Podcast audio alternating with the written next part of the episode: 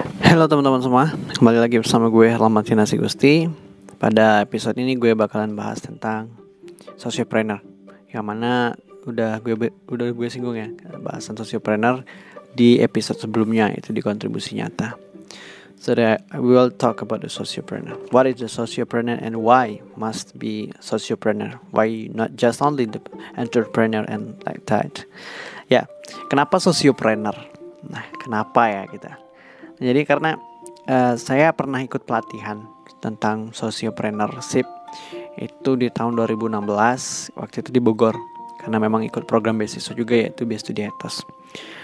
Cukup menarik, cukup menarik ketika kita mengkaji bidang sociopreneur ini. Because that the sociopreneur is not just thinking about the profit in the entrepreneur, but we just also thinking about the impact and the social and how to creating the social impact uh, to change the social environment to the better condition. Nah, jadi kenapa uh, gue tertarik dengan sociopreneur ini? Dikarena banyak sekali hal yang kita dapatkan atau benefit yang kita dapatkan dari sociopreneur ini.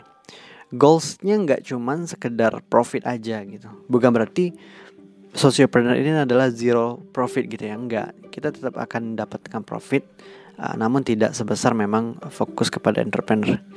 Namun gue di sini karena pro, sekedar profit secara material saja yang kita dapatkan itu nggak cukup. Kita itu harus memberikan impact karena kita itu harus memikirkan uh, ke depan gitu ya. Uh, we must thinking for the future, not just only thinking about today's. Nah itu sih kenapa gue milih sociopreneur. Dan adapun secara definisinya, sociopreneur itu adalah bagaimana kita mengembangkan sebuah usaha atau berwirausaha sos yang berbasis sosial gitu. Ya, apa aja wirausaha yang kita lakukan tapi base-nya atau purpose-nya adalah untuk social impact. Uh, ada profit juga, memang kita akan dapatin profit juga tapi selain profit kita juga akan berikan social impact di dalam wirausaha kita itu. Nah, adapun contoh salah satu entrepreneur, sociopreneur yang udah berhasil di bidangnya dan bahkan mendapatkan Nobel perdamaian yaitunya Muhammad Yunus. Nah, ini kalau lebih jelasnya bisa teman-teman lo searching aja deh eh, nama Muhammad Yunus di Google nanti akan muncul. Yang mana Muhammad Yunus itu bikin sebuah bank namanya Bank Greenman, Greenman uh, yang mana Bank Greenman ini memberikan pinjaman kepada pengus uka, apa namanya? pelaku-pelaku usaha yang pengen butuh modal untuk membangun usahanya. So dia ngasih pinjaman gitu dengan catatan bunganya tidak sebesar bank-bank konvensional gitu. Nah itu cukup bukan cukup lagi ya, itu berhasil gitu. Itu berhasil mengembangkan wirausaha-wirausaha yang memang pemula yang pengen berwirausaha sehingga dia mendapatkan Nobel perdamaian atas usaha uh, sosiopreneur yang dia garapnya. Itu kan kalau untuk di secara uh, internasional ya. Adapun secara nasional di Indonesia juga banyak sebenarnya sosiopreneur-sosiopreneur yang sudah aktif dengan proyek-proyek sosialnya.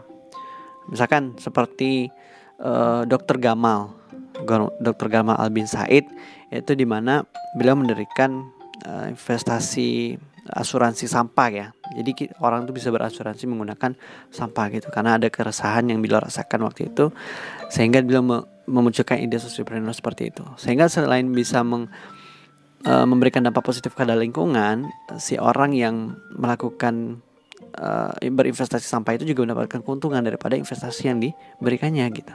Itu yang dibuat oleh Dr. Gamal. Dan ada yang nggak kalah menarik yaitunya Al-Fatih Timur pasti kita udah nggak asing lagi nih sama nama si Al-Fatih Timur. Ya, so because si Al-Fatih Timur nih dia yang mendirikan kitabisa.com, sebuah platform yang mana menghubungkan antara si orang yang membutuhkan donasi untuk uh, kebaikan ya untuk uh, ya orang yang sangat membutuhkan donasi dipertemukan dengan orang yang ingin memberikan donasi. Ya sepertinya kalau untuk platform kita bisa.com kita sudah sama-sama tahu. Dan itu adalah sociopreneur, teman-teman semua. Lo harus tahu bahwa lo harus ketahui bahwasanya itu adalah sociopreneur. Apakah si Al-Fatih dapat profit? Dapat profit. Apakah Dr. Gamal dapat profit? Dapat profit juga. Muhammad Yunus dapat dapat profit juga. Akan tetapi core daripada sociopreneur is not just only the profit like salary, like money or material and others not. But the goal and the purpose for the socialpreneur is the social impact. How to bet to change the social environment to give a solution from the society around of us and change to be better of condition. Ya jadi seperti itulah uh, prinsip daripada uh, sociopreneur. Dan adapun sebenarnya gue juga masih merintis dengan beberapa komunitas yang uh, gue dirikan bersama teman-teman gue gitu. Salah satunya ada Lingkariman. Lingkariman adalah salah satu platform kajian keislaman yang kita bikin untuk merekam dan juga men-share kajian-kajian yang ada di daerah Sumbar, terutama di Kota Padang gitu.